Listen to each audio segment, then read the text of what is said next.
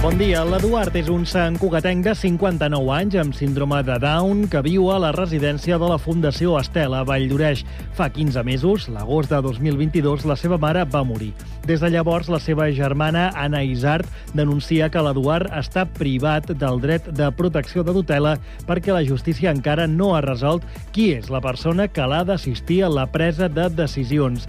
La manca d'una persona assistent també provoca que el sant cugatenc no pugui percebre la pensió d'orfanesa permesa ni l'herència dels seus pares. Escoltem l'Anna Isart. Està privat de, del dret de protecció de, de, de tutela, bueno, que ara es diu assistència, del dret a pensió d'orfanesa de l'Estat i del dret a ésser eh, hereu. Des que la mare es va morir fa 15 mesos, a l'agost de l'any passat, eh, l'Eduard no està rebent cap de les pensions de l'Estat perquè no té tutor, bueno, assistent, i el jo, que com que jo no en soc tutora, no podem obrir un compte on nosaltres tots, tots dos estiguem de titulars. Els col·lectius de persones amb discapacitat de Sant Cugat alcen la veu per reclamar més drets educatius, laborals i habitacionals. La ciutat ha commemorat aquest diumenge el Dia Internacional de les Persones amb Discapacitat, amb una fira on les entitats socials han posat de manifest la seva tasca. Ha estat una trobada festiva, amb actuacions de dansa i de música i un caràcter reivindicatiu que tanca una setmana de propostes amb activitats com tornejos esportius, música, cinema i xerrades.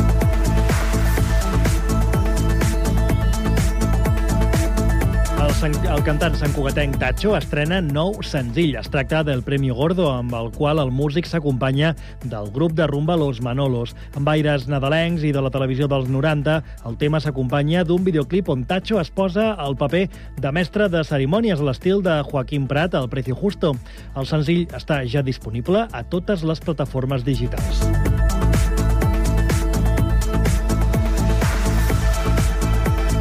El Club Volei Sant Cugat té peu i mig a la Copa de la Reina després de suar i patir de valent per superar 3 a 1 el Heidelberg de Ganari aquest dissabte al pavelló de Valldoreix. Les santcugatenques són quartes a falta d'una jornada per finalitzar la primera volta de la Lliga Iberdrola. Cinc són les places que hi haurà en joc el proper cap de setmana i la sisena ja té noms i cognoms. El del club organitzador, el Cajasol de Sevilla. Les de Rafa Ruiz depenen d'elles mateixes per certificar la seva tercera participació consecutiva a la competició del camp. Res més per ara, més informació a Cugat.cat i també a les xarxes socials a Facebook, a Twitter i a Instagram. Cugat Mèdia, la informació de referència a Sant Cugat.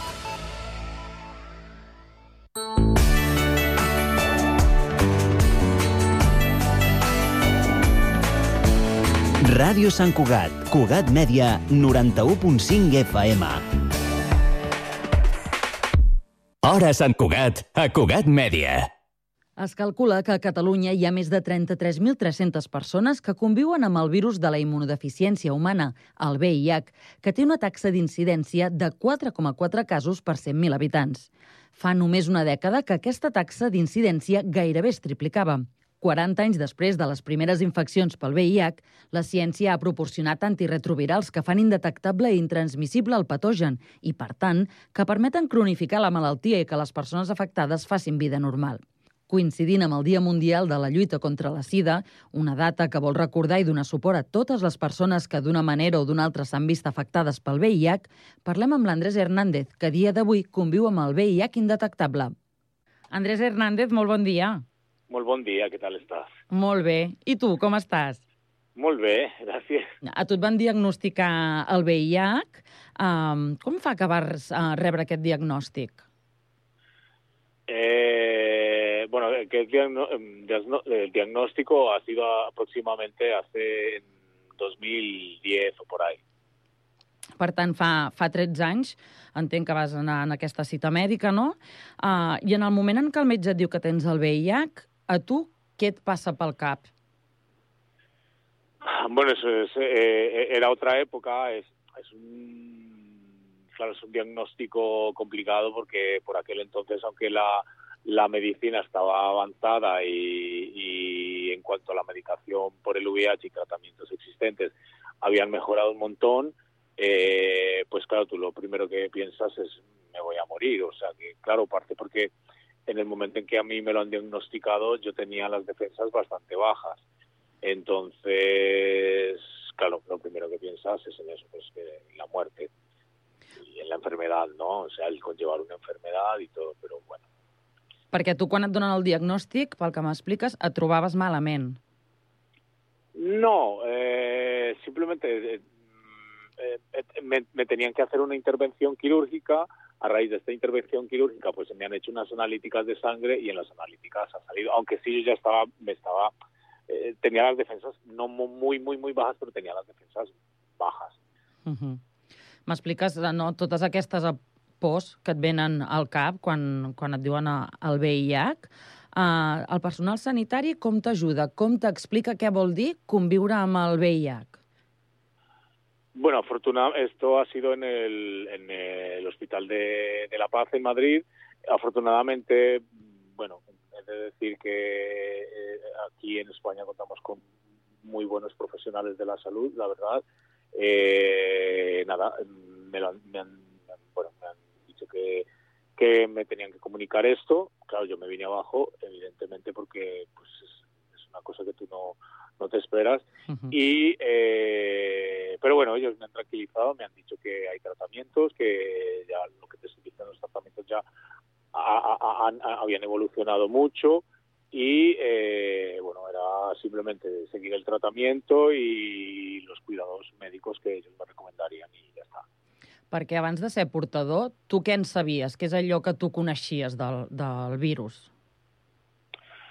El, bueno, básicamente lo básico, ¿no? Que bueno, que es un, el, virus de inmunodeficiencia humana, eh, que es un virus que se transmite por eh, vía sexual, de semen o, o, flujos, y eh, por tra transmisión también de, de, sangre. Entonces era lo que sabía y sabía pues que era una enfermedad de eso que que atacaba el sistema inmune y y que te, digamos, destruía los, los CD4, ¿no? Bajan los niveles uh -huh. de CD4, que son las defensas de, de nuestro organismo, los, los, encargados de, digamos, de, de defenderse contra virus i bacterias.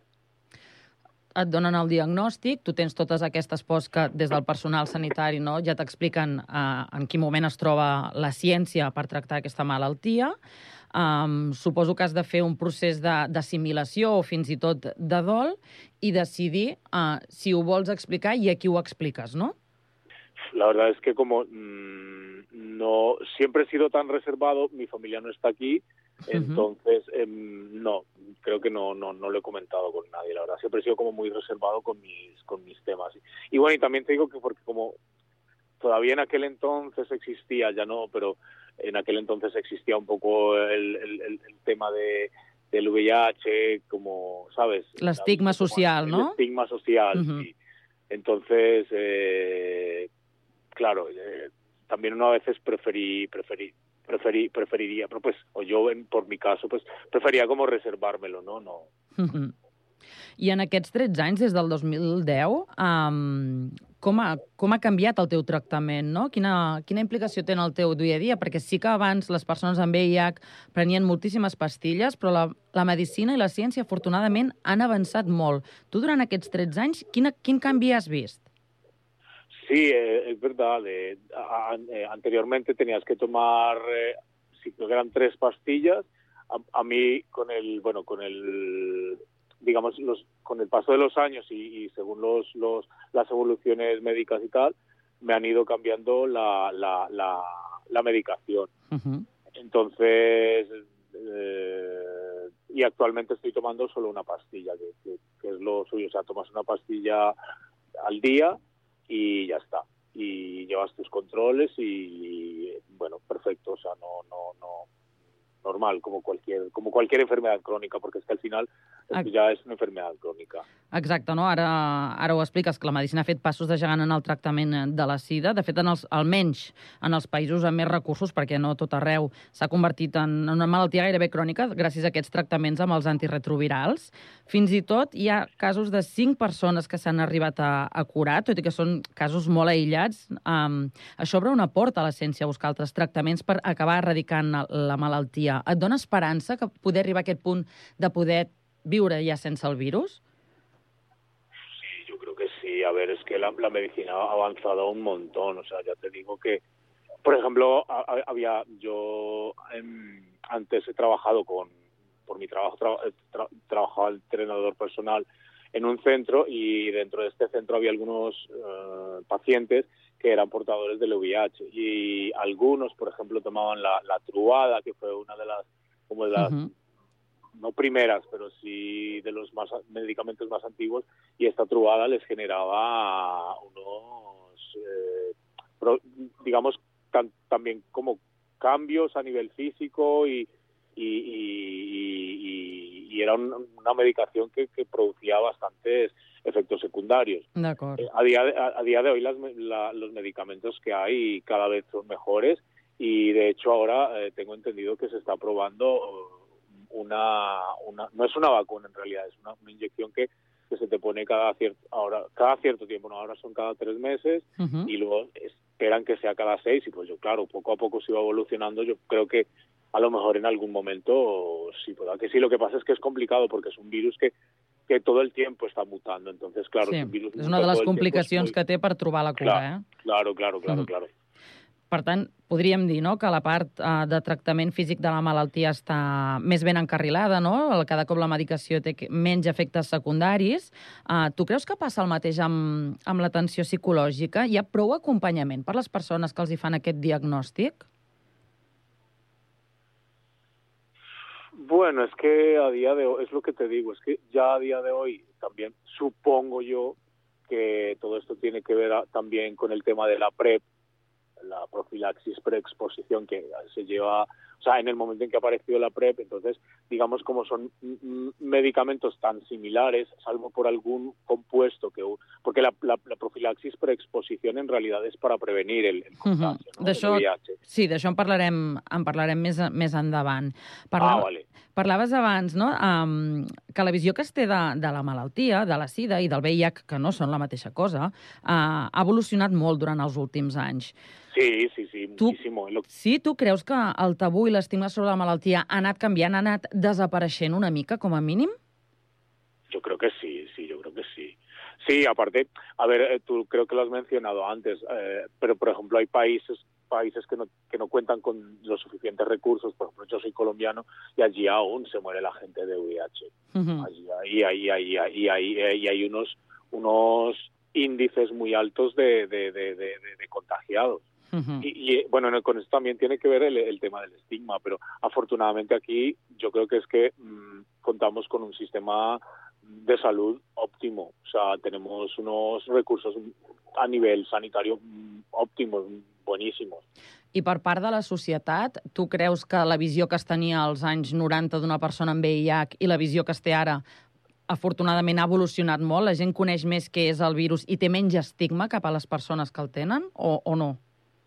No, yo creo que no. Lo que te digo, a día de hoy, a día de hoy ya, ya no, ya ha cambiado mucho. Esto porque también es lo que te estoy diciendo, se ha vuelto una enfermedad crónica. Mhm. Pasa que al principio fue una, una, una, una, enfermedad, digamos, que se le, se le atribuía solo al colectivo de homosexual. Eh, També y- les persones que prenien droga, no? Sobretot Claro, per entonces esto injectables. era como, ah, esto es enfermedad, esta enfermedad es de prostitutas o de homosexuales o de drogadictos, como. ¿sabes? Ahora no, ahora pues es que es también eh, al final es una enfermedad que, digamos, la puede contraer cualquier persona, o sea, Ujú. no sé, no, no estás exento de, de- de contraerla. Entonces, yo creo que ha cambiado mucho esto. I uh, si ara alguna persona que li donessin el diagnòstic, uh, tu que fa 13 anys que, que ja el vas rebre, li donaries uh, algun consell? Sí, eh, básicamente que, que bueno que to- eh, tome la medicación a rajatabla porque es súper importante y, y que y que asista a los controles médicos y sobre todo eso y bueno que, cuide su salud que, haga deporte una alimentación sana eh, pero es muy importante también el tema de los controles médicos o sea ir porque eh, que, que, que- que miren también cómo están tus niveles de CD4 también a nivel nivel renal que no te que la medicación no te pueda generar algún efecto sec- secundario eso es importante. Y nada es lo que te digo o sea es, es que como mm, ha evolucionado tanto de hecho hay personas que ahora están ya haciendo el tomando el, el tratamiento que es vía o sea inyectable. Esto ya es también decisión de cada paciente no yo por ejemplo yo prefiero seguir tomando mi pastilla y ya está porque el, el, el, sí que el, el, otro sistema tienes que ser como muy a rajatabla también, ¿no? Uh -huh. A mí ya puntualmente, bueno, no siempre, pero a lo mejor un día se me pasa tomar la pastilla, no pasa nada, que no debería ser así. Uh -huh. Pero eh, con el tema del el otro tipo de tratamiento sí que tiene que ser fecha exacta, exacta, exacta. O sea, tienes que ir al centro médico al que te lo... Pues también ahí te complica un poco, però no sé. Entenc que també els metges no, us deuen assessorar, depèn de cada persona sí, i cada sí. cas, de quin és el millor tractament per, per seguir. Exacte, sí. Em deies abans que eres uh, entrenador personal, però també sé que també fas algunes coses en el món de l'audiovisual. I si no m'equivoco, estàs treballant i s'està a punt d'estrenar un curtmetratge que aborda precisament el VIH i que, de fet, se centra en la PrEP. Explica'ns sí. què és la PrEP per tota aquella gent que no ho sàpiga i després parlem del teu curtmetratge. Vale. La, la, la PrEP o profilaxis preexposición es un medicamento que se toma para prevenir eh, eso, el, el, el, contagio del, del, VIH. Evidentemente, pues, sí, eh, por, por, por, vía bueno, sexual. Uh -huh. Pero es un medicamento que se, se, se, lleva tomando, se lleva tomando ya hace varios años y, eh, bueno, la verdad que está funcionando bastante bien. Está funcionando bastante bien porque mm, el tema de la PrEP no es solo que tomas una pastilla, porque anteriormente eh, estas pastillas tenías que comprarlas por internet, las comprabas por internet, bueno, en páginas eh, autorizadas, pero no tenías ningún tipo de control y cuando tomas este tipo, tú tomas este tipo de medicaciones es necesario que tomes un tipo de control. Pero lo bueno de tener este tipo de control es que al, a, cuando tú vas al, a tu centro médico donde te dispensan la PrEP a que te hagan tus analíticas, te pueden detectar otras ETS, que esto a claro. nivel de control está muy bien porque eh, si tú das positivo en una ETS, yo qué sé, por ejemplo, llámese gonorrea, llámese sífilis, automáticamente te tratan y no eh, estás con la, muchas veces algunas de estas enfermedades no presentan síntomas. Uh -huh. Entonces tú puedes estar por ahí contagiando a muchas más personas sin saberlo. Claro. Yo creo que es importante esto y a mí me parece fantástico que, que, que, que se haga esto porque es una manera de prevención. De fet, és un, no, una via més que té el Departament de Salut per lluitar sí. contra els contagis del, del VIH. Sí, sí, sí, correcte. Com seria el preservatiu un altre, no?, per exemple? Sí, sí, sí, digamos que, a, a ver, el preservativo eh, se, se, se, se, bueno, se, ha utilizado mucho por el tema de tanto de enfermedades de transmisión sexual como del de tema de embarazos no, no uh -huh. deseados. Pero con el tema de la PrEP, pues ya ha cambiado mucho este, este concepto, ¿no? I el teu curtmetratge uh, té títol ja, Andrés? Sí, se llama Estás preparado. Estás preparado. ¿Y sí. quina, quina història explicarà uh, aquest curt? Sí, bueno, es un cortometraje que es, es ficción basado en hechos reales. Eh, no tiene, no es, no, o sea, es a nivel informativo, sí que hay una parte del cortometraje donde dos de los actores o, o personajes eh, hablan de la PrEP, eh, la hablan de una manera muy corta, muy sencilla, muy fácil de entender. Eh, y es un cortometraje que trata el tema de la PrEP, eh, las relaciones de pareja abiertas y eh, el chemsex. Que, a ver, eh, es una realidad que estamos viviendo ahora. Yo creo que a, mí el cine, yo soy, bueno, en, mi, en realidad yo soy actor, vengo como director de cine, ya he hecho un par de proyectos, este es mi, mi segundo proyecto. Y, y, creo que en el cine eh, tú tienes que contar realidades, tienes uh -huh. que contar um, situaciones reales que están ocurriendo, porque el cine se ha hecho para eso. ¿no? Tú, en el cine cuentas algo. Entonces yo lo que quiero contar y quiero concientizar al, al, a, a, a, a, los jóvenes, a la población en general, de, de, de, la existencia de la PrEP, porque hay mucha gente que no sabe lo que es la PrEP, a mí aún me preguntan lo que es la PrEP. Uh -huh. Entonces, de la existencia, para qué sirve y de las ventajas que tiene el, el, el estar tomando la PrEP, que es, de verdad, es que yo, eh, yo creo que somos muy afortunados. Este, este es parte de este, de este cortometraje también, es de, de mostrarle a la población, ¿no? decirle a, a, los españoles que tenemos una sanidad pública óptima, o sea, es que tenemos unos privilegios increíbles, o sea, tenemos la PrEP, tenemos nuestros controles, podemos ir a los controles y, y, y así controlarnos lo que te digo, otra enfermedad, otro tipo de enfermedad de transmisión uh -huh. sexual. Entonces yo creo que hay que hay que hay que hablar de esto, ¿no? Eh, yo hay incluso hay amigos que les, me, preguntan qué esto qué es. Y el chemsex también, o sea, el chemsex es una realidad. eh, mm, es una realidad que se está viviendo y yo creo que a veces es mejor hablar de las cosas y no ocultarlas y orientar a las personas que practiquen el chemsex de, de la manera correcta de com hacerlo. De la responsabilitat, toca- no? Sí, Entenc, la de que cadascú exacto. tingui les pràctiques sexuals que més li agradin, Exacte, però sempre des de la responsabilitat cap a un mateix i la seva salut i amb aquelles persones amb qui comparteix uh, espais i Sí, sexe. porque es curioso, pero no quiero decir con esto que, todas las, la- las personas que, que toman la PrEP practican el chemsex, Uh pero sí que es bastante habitual. O sea, PrEP y chemsex es, es muy habitual. Y, y no es que, y lo que te digo, no es que no, no, no quiero meter a todo el mundo en el mismo, en el, ¿sabes? Pero, pero sí que es una práctica bastante habitual. Entonces hay que hablar de esto. Y lo mismo de, del tema de las relaciones de pareja abiertas, que esto es algo ya que también es habitual. Doncs una nova porta que ens obrirà aquest uh, curtmetratge. Estàs preparado? De, Estás preparado, sí. de l'Andrés Hernández. Quan es podrà veure, Andrés? Ya, ya, ya estoy, ya estoy con las últimas, ya está montado, estamos con el tema de la banda sonora, sonido y yo creo que para, el, bueno, el, creo no, ya está, tengo planteado el, el estreno para enero, entonces ya hablaremos de eso también porque bueno, eh, que creo que va a, va a ser un cortometraje que va a tener mucha visibilidad por el tema que se toca. Es un cortometraje muy dinámico, tiene mucho ritmo, eh, está muy guay porque es lo que te digo, es basado en, una, en la historia de un, un chico que, que llega a España y bueno es inmigrante, no tiene papeles, o sea, toca, toca situaciones como muy reales, Diversos temes ¿no? socials, no? O sea, diversos temas sociales y Ujú. también. Entonces, eh, y, y- y- y- y bueno, y que, que es lo que yo te digo, hay que informar a la población Doncs molt a favor eh, d'aquesta divulgació. Um, de fet, també és un dels objectius de- d'aquesta entrevista i et donem les gràcies per entendre'ns, Andrés, explicar-nos la, la teva història, la teva experiència i com segueixes fent activisme no? per uh, difondre com és la vida amb VIH i que hi ha futur.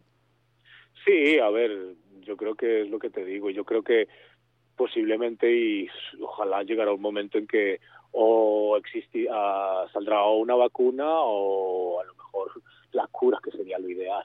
Eso sería fantástico. Pero bueno, es, es lo que te digo, se puede llevar muy fácil y, y es una enfermedad crónica y ya está. Doncs tant de bo, la ciència avança, cal que els governs hi dediquin els recursos i els diners necessaris a la investigació, uh, i tant de bo puguem viure la notícia doncs, que ja hi ha una cura per al VIH. Andrés Hernández, moltes gràcies, que tinguis molt bon dia. Nada, venga, buen día. Bon dia.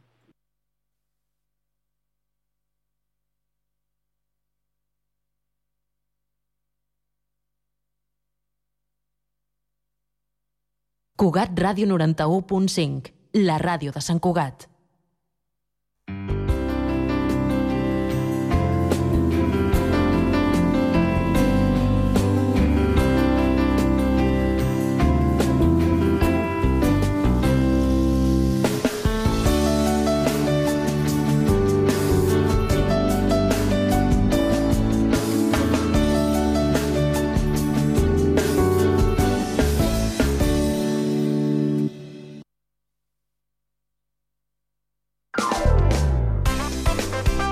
Ràdio Sant Cugat, Cugat Mèdia, www.cugat.cat.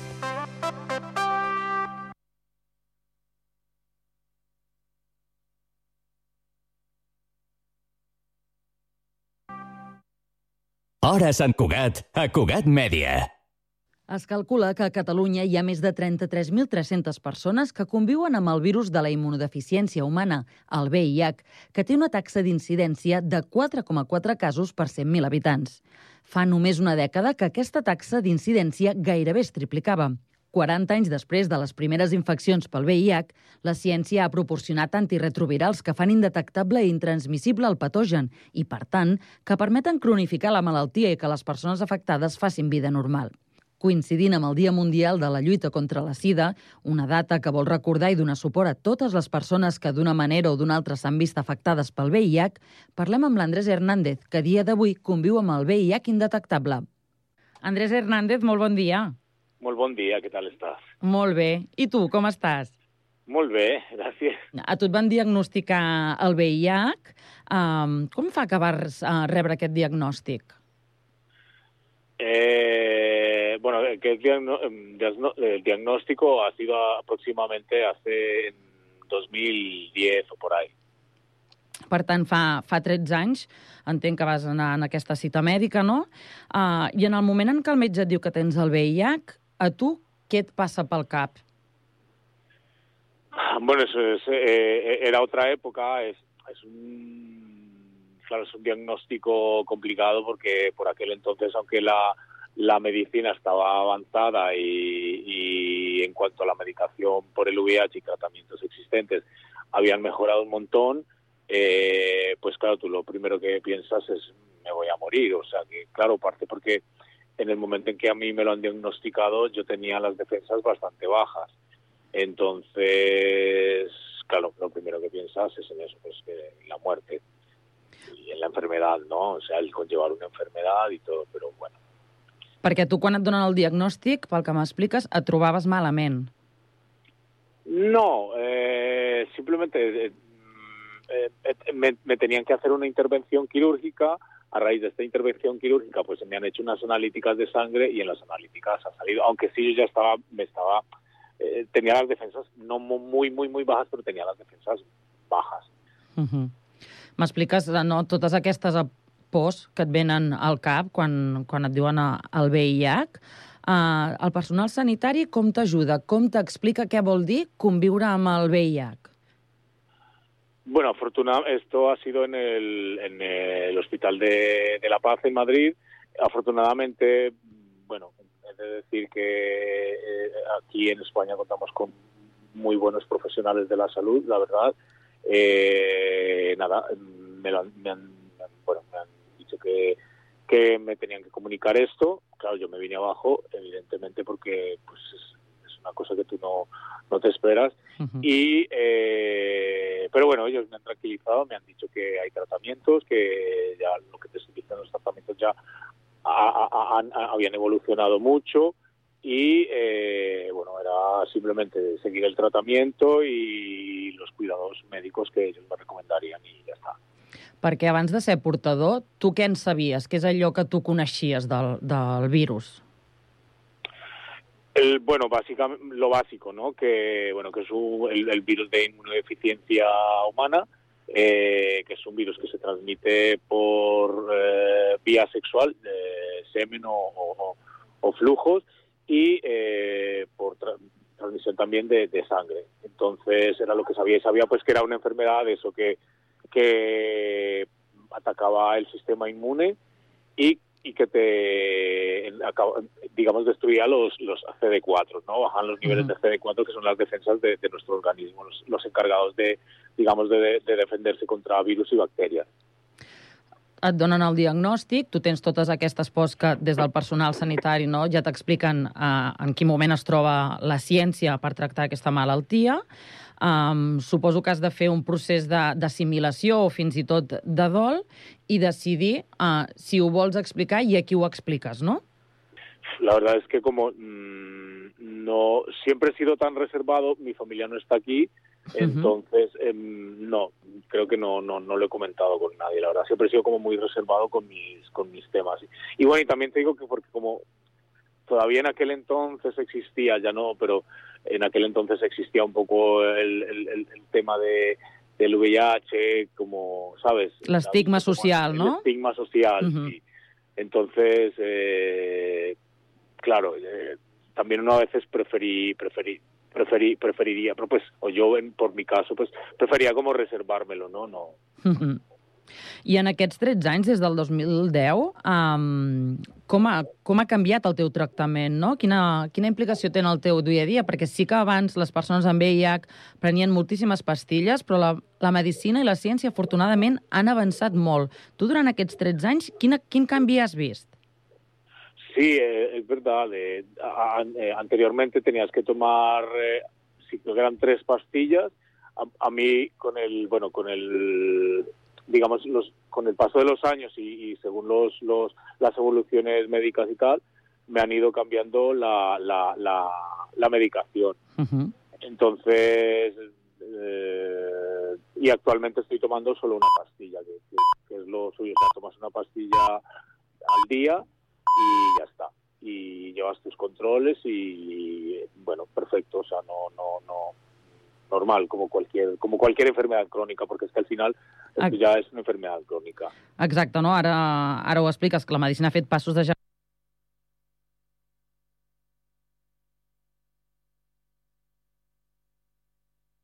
en el tractament de la sida. De fet, en els, almenys en els països amb més recursos, perquè no tot arreu s'ha convertit en una malaltia gairebé crònica gràcies a aquests tractaments amb els antiretrovirals. Fins i tot hi ha casos de 5 persones que s'han arribat a, a curar, tot i que són casos molt aïllats. Um, això obre una porta a la a buscar altres tractaments per acabar erradicant la malaltia. Et dona esperança que poder arribar a aquest punt de poder viure ja sense el virus? Sí, a ver, es que la, medicina ha avanzado un montón, o sea, ya te digo que, por ejemplo, había yo antes he trabajado con, por mi trabajo, he trabajaba entrenador personal en un centro y dentro de este centro había algunos eh, pacientes que eran portadores del VIH y algunos, por ejemplo, tomaban la, la truada, que fue una de las como de las no primeras, pero sí de los más medicamentos más antiguos, y esta trubada les generaba unos, eh, digamos, también como cambios a nivel físico y, y,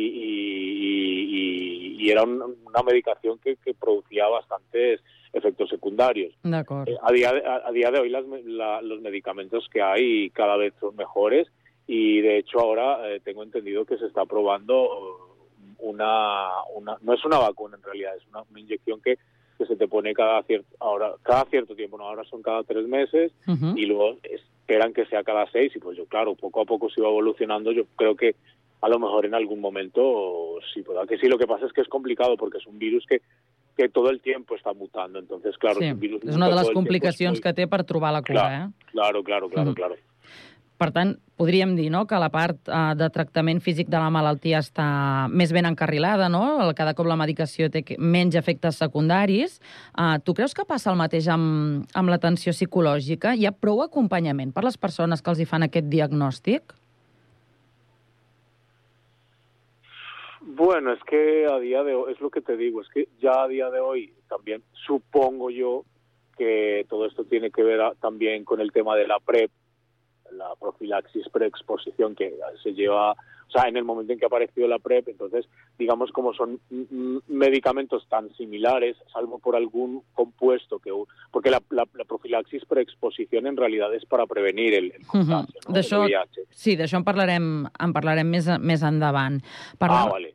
Parlaves abans no? um, que la visió que es té de, de la malaltia, de la sida i del VIH, que no són la mateixa cosa, uh, ha evolucionat molt durant els últims anys.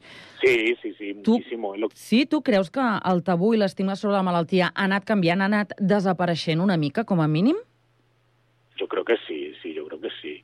Sí, aparte, a ver, eh, tú creo que lo has mencionado antes, eh, pero por ejemplo hay países países que no, que no cuentan con los suficientes recursos, por ejemplo, yo soy colombiano y allí aún se muere la gente de VIH. Uh -huh. Allí ahí, ahí, ahí, ahí, ahí, ahí hay unos, unos índices muy altos de, de, de, de, de contagiados. Uh -huh. y, y, bueno, con esto también tiene que ver el, el, tema del estigma, pero afortunadamente aquí yo creo que es que mmm, contamos con un sistema de salud óptimo. O sea, tenemos unos recursos a nivel sanitario òptimos, boníssimos.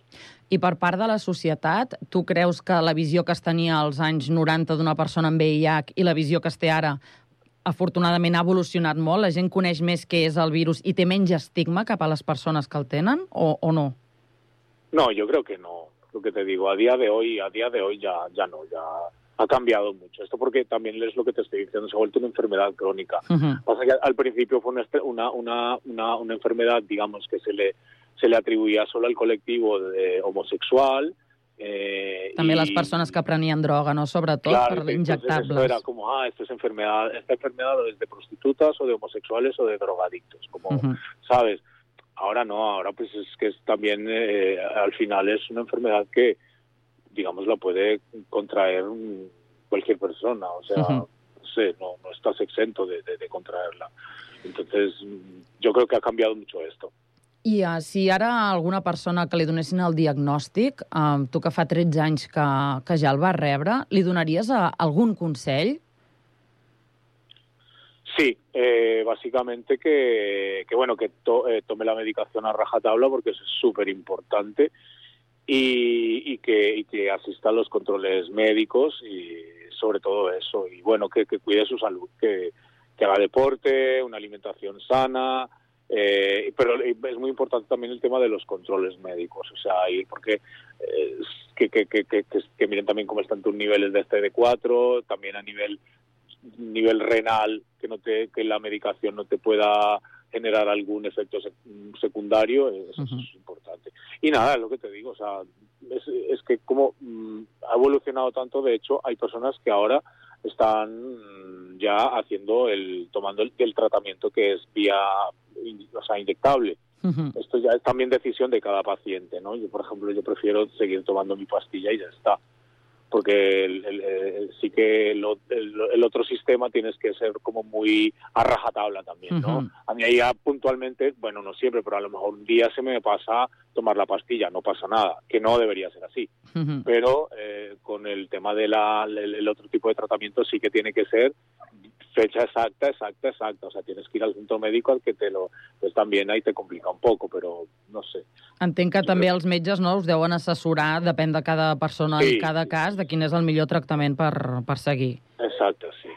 Em deies abans que eres uh, entrenador personal, però també sé que també fas algunes coses en el món de l'audiovisual. I si no m'equivoco, estàs treballant i s'està a punt d'estrenar un curtmetratge que aborda precisament el VIH i que, de fet, se centra en la PrEP. Explica'ns sí. què és la PrEP per tota aquella gent que no ho sàpiga i després parlem del teu curtmetratge. Vale. La, la, la PrEP o profilaxis preexposición es un medicamento que se toma para prevenir eh, eso, el, el, el, contagio del, del VIH, evidentemente, pues, sí, eh, por, por, por vía bueno, sexual. Uh -huh. Pero es un medicamento que se, se, se, lleva toma, se lleva tomando ya hace varios años y, eh, bueno, la verdad que está funcionando bastante bien.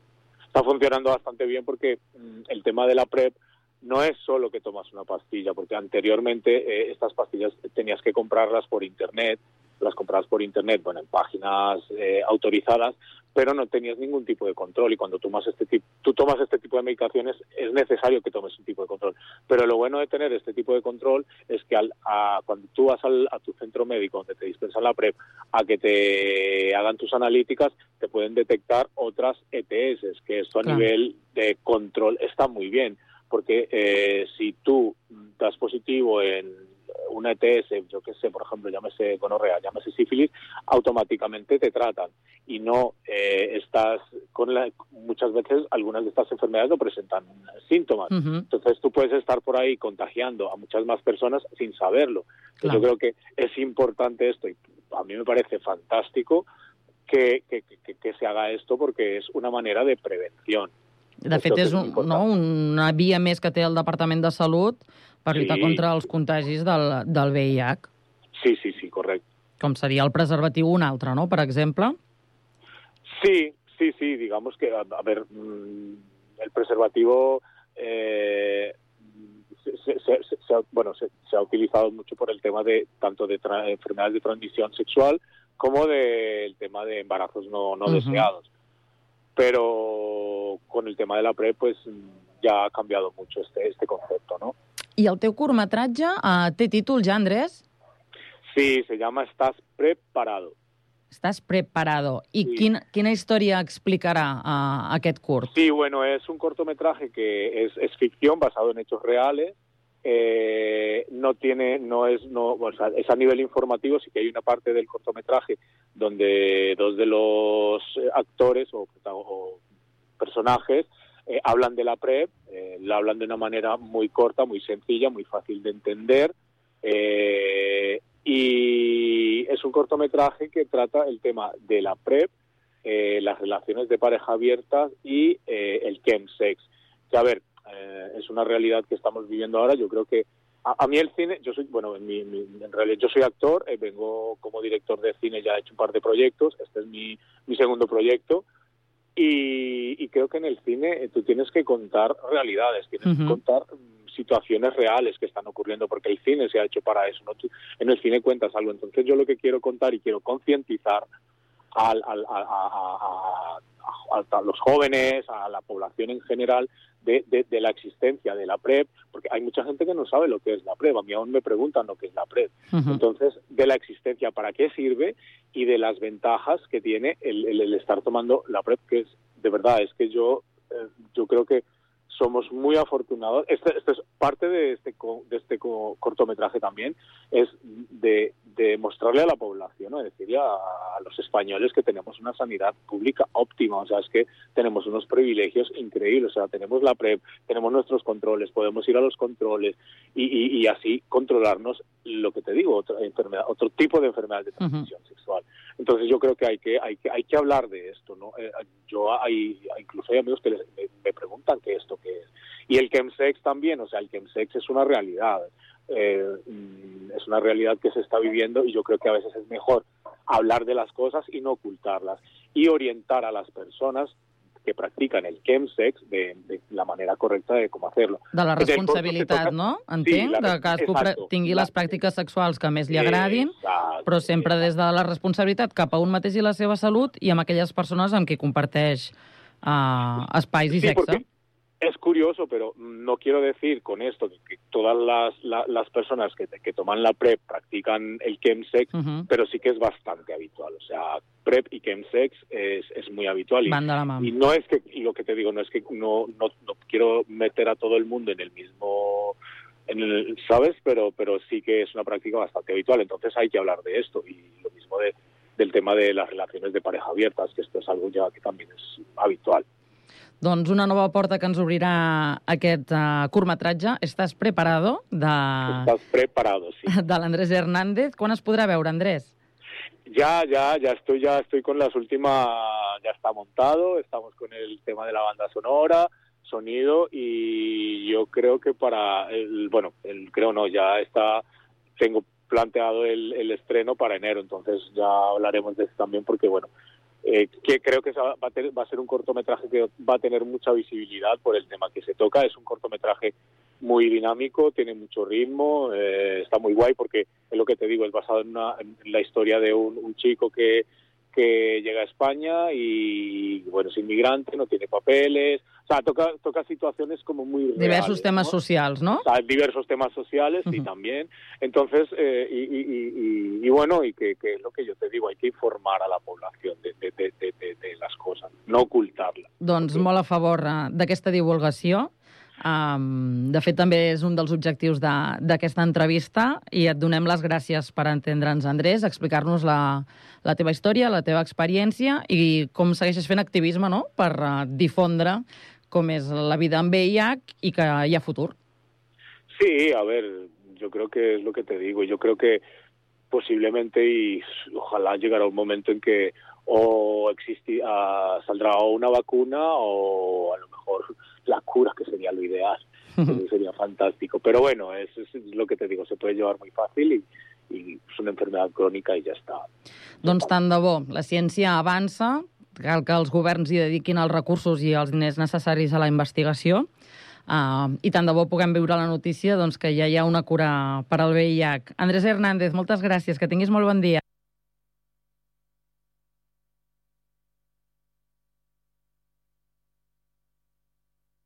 Nada, venga, buen día. Bon dia.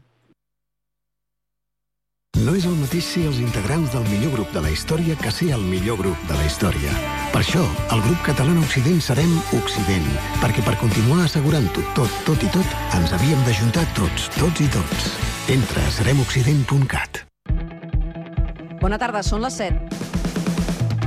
Més d'un centenar de tractors han mobilitzat bona part de la capital del Baix Ebre. Ho han fet a Els agents que estan relacionats d'una manera o altra amb l'espai litoral del Baix Empordà facin Els germans propostes... Trias i Pujol es fan unes 30 donacions diàries, tot i que l'hospital fa de l'ordre... L'última hora de l'actualitat més propera. Notícies en xarxa, edició vespre.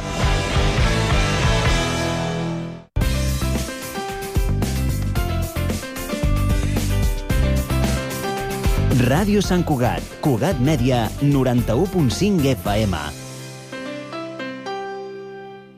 Hora Sant Cugat, a Cugat Mèdia. Emprenedor, escriptor, conferenciant, expert en l'enneagrama de la personalitat i, sobretot, un motivat. Aquests són algunes de les qualitats de Borja Vilaseca, l'anima que hi ha darrere de l'Escola Terra, que obrirà les portes a Valldoreix el curs vinent i que fa només uns dies s'ha iniciat el procés de preinscripció. Avui tenim uh, la sort de poder parlar amb Borja Vilaseca. Uh, molt bon dia i benvingut a Cugat Mèdia. Hola, molt bon dia. Gràcies per convidar-me. Sento de Barcelona, Borja. Per què t'has decidit a ubicar a l'escola Vall d'Oreix? Creus que hi ha molts motivats i motivades aquí a Sant Cugat? Sí, la veritat és que sí. Ens agrada moltíssim perquè estan bueno, molt a prop de Barcelona, per l'entorn natural i bueno, pel tipus també de, de gent no? que, que, que va viure a, a Valldoreix, a Sant Cugat, una mentalitat més, més oberta, més liberal, més progressista, no? I, i ens adonem que en aquestes àrees els pares i les mares estan una miqueta més encara compromesos amb una educació pues, més innovadora, no? i això ja té un recorregut, aquesta, aquesta zona de, de Barcelona, i bueno, pues, fent una investigació de, del mercat vam veure que, que era una oportunitat molt bona i més enllà també vam trobar un, un, un edifici que complia els, els requisits necessaris per, per desenvolupar a terra. No? Què tindrà d'especial aquesta escola? Que no tinguin altres projectes de l'entorn, perquè Sant Cugat, eh, vosaltres ho heu escollit, no? Ara ho explicaves els motius. Hi ha moltes més escoles, no només hi ha les públiques que hi ha, sinó altres concertades i també de privades, que també van escollir Sant Cugat justament pel que comentaves, però la vostra escola, Terra, què té d'especial? Per nosaltres el que, el que té d'especial és la nostra metodologia pròpia, que li anomenem les 11 dimensions de l'educació conscient i que bàsicament nosaltres veiem els, els nens i les nenes com llavors i cada llavor té un potencial, té una intel·ligència, té un talent, té una passió, no? I més enllà de les competències eh, convencionals, del currículum de les escoles eh, estandarditzades, nosaltres construïm des d'allà, de, d'una forma completament homologada pel Departament d'Ensenyament, però els desenvolupem, els acompanyem perquè eh, creixin en aquestes 11 àrees que són bàsicament la dimensió corporal, emocional, espiritual, laica, i també artística, científica, social, comunicativa, emprenedora, financera, tecnològica i eh, ecològica. Llavors, aquests nens i aquestes nenes seran acompanyats en, to en tot moment perquè puguin desenvolupar tot el seu potencial intrínsec. És a dir, el protagonista és, és l'alumne i volem que es coneixi a si mateix, que quan acabi el, el curs amb 18 anys tingui una noció molt clara de qui és, eh, quin és el seu propòsit i tingui una caixa d'eines d'educació emocional, d'educació emprenedora per fer front als reptes de, de la vida, no? I no només, per, per suposat, preparar-se per la, per la prova de la, de la selectivitat. Llavors, un altre valor afegit és que nosaltres som experts no només en educació conscient, sinó en autoconeixement. Portem 17 anys, un grup de, de pedagògics, investigant com funciona l'ésser humà, no? ment, cos, esperit, i tot el nostre professorat, que nosaltres els anomenem acompanyants, són persones transformades, no? amb una actitud i amb una motivació transcendent en aquest sentit. Com la qual Terra ve a ser una comunitat educativa de persones conscients, eh, completament eh, motivades en transformar eh, l'educació i el nostre primer projecte en aquest sentit serà el de Valdoreig. Té res l'escola a la que t'hauria agradat haver anat de petit, a tu? Pues home, la veritat és que aquest és un dels nostres lemes. Eh, jo era el, el gamberro de la classe, el pallasso, el rebel, eh, i, i, i la veritat és que ara a vegades m'he trobat alguna professora que, que, que sap del projecte i, i no s'ho pot creure, no? I, I per mi sí, per mi l'escola no va ser una experiència molt positiva en aquest sentit perquè no, no encaixava no? amb els meus talents, la meva intel·ligència o la meva forma de ser no encaixava amb aquest currículum tan estandarditzat a les escoles industrials i des de sempre he tingut una, una relació de, de dir, ostres, ojalà l'escola hagués sigut una, una altra cosa, no? I, i tots els, els que estem formant part de, de terra són persones que, que, que la nostra passió, el nostre propòsit és transformar l'educació perquè l'educació estigui personalitzada no? I, i, i que totes les persones puguin desenvolupar els seus talents independentment de, de quins siguin, no? i que no, no pugui haver aquest fracàs escolar que cada cop més està eh, doncs, molt present a, a, les, a les escoles, no? I, i entenent de que cada ésser humà és únic i llavors hem d'entendre aquesta intel·ligència particular de cada nen i cada nena perquè el pugui desenvolupar, no? I aquesta és la nostra passió, no? De que els nens i les nenes, quan creixin, puguin honrar la seva singularitat, però estan molt, molt ben preparats insisteixo, per, pels reptes del segle XXI, el nou mercat laboral no? I, i, i bueno, una nova actitud que ara mateix, des del nostre punt de vista, les escoles industrials fa dècades que han quedat completament obsoletes. No? Uh, suposo que amb una experiència com la teva, la tria d'escola pels teus fills, una vegada ja et vas convertir en pare, devia ser un tema molt important, dic un tema en majúscules. No sé què vas poder tenir en compte per fer la tria i si no t'hagués agradat fins i tot haver començat abans amb aquest projecte o que hagués arribat abans per poder portar els teus fills. Home, doncs sí, la veritat que sí, perquè jo no sé, els meus fills ara mateix tenen 9 i 11 anys i, i bueno, doncs en principi no, no podran eh, gaudir de l'escola terra i ells en, en gran part, evidentment, han sigut la, la meva motivació. No? Per mi aquest ha sigut un, un, un gran tema. Al final és veritat que els principals educadors som els pares, no? L'escola també és un entorn social i és molt important que puguin socialitzar amb molts nens i nenes, però bueno, sí que han sigut la meva inspiració perquè és veritat que quan un es converteix en pare, totes aquestes qüestions eh, adquireixen una, una, una transcendència molt major, no? I, i els tinc molt, molt presents i, de, de, i també ens han ajudat, juntament amb altres nens, a, a com els hi agradaria, no?, que fos a, a aquesta escola, no? Però, bueno, veurem, veurem eh, quins nens i quines nenes sí que poden eh, gaudir, perquè, insisteixo, aquest projecte és, és transcendent, no? O sigui, per nosaltres, canviant l'educació, canviem el món i és el, el nostre compromís. Comencem amb Terra Valdoreig, però la, la, la, la idea, la visió que tenim és que tot el que aprenem aquí a, a Valdoreig ho podem extrapolar a moltes altres escoles. Entenc que entrant dintre d'alguna escola o creant una altra escola fins i tot en un futur més enllà de Valldoreig, vols dir?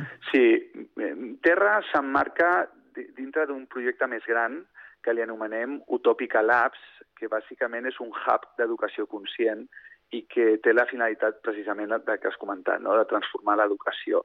Llavors, nosaltres tot el que eh, estem aprenent des del 2016, que és quan vam començar a desenvolupar la pedagogia i l'arquitectura de, de terra, tot això ja estem en conversacions per eh, veure com començar, a poc a poc, eh, amb bona lletra, a muntar una xarxa d'escoles terra tenim molts contactes internacionals, hi ha moltes persones que ens segueixen a, les xarxes socials i estan molt interessades perquè cada cop hi ha més persones conscients, despertes, que se n'adonen que, que necessitem un canvi a l'educació i també estem en conversacions amb el, amb el que va ser el conseller d'Educació, el, el Josep González, no? per veure de quina manera introduir aquesta educació conscient a l'àmbit públic i, per suposat, com tu has comentat, eh, cada cop ens, ens estan contactant més escoles industrials que els directors eh, i alguns pedagogs s'estan adorant que efectivament cal transformar d'arrel l'educació perquè sigui una educació més emocional, més emprenedora, no? amb la qual nosaltres tenim unes línies de, de feina i de treball, amb la qual una d'elles és crear aquesta pedagogia, crear aquest primer eh, escola a terra, però la visió és, és molt més gran i això és el que... Hora Sant Cugat, a Ràdio Sant Cugat. Uh, no sé si aquest nivell de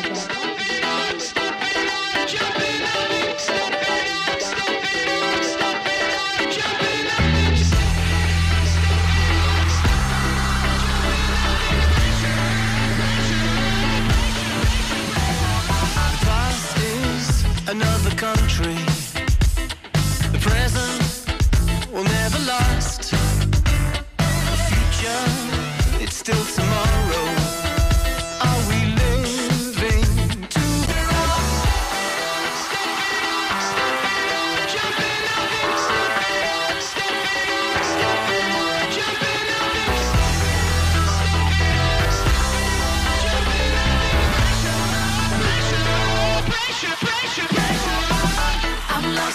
I'll be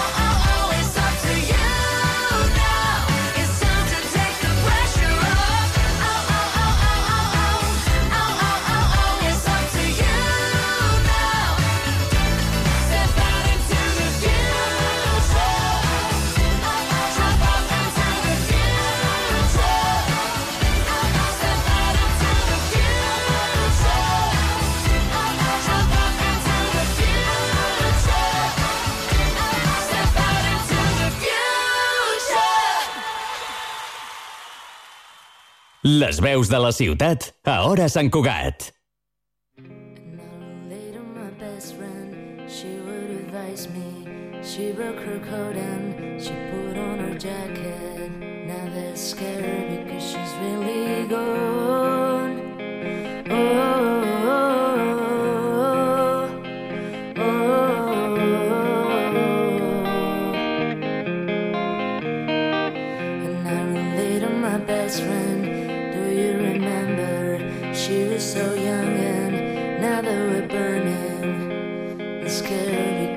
illegal.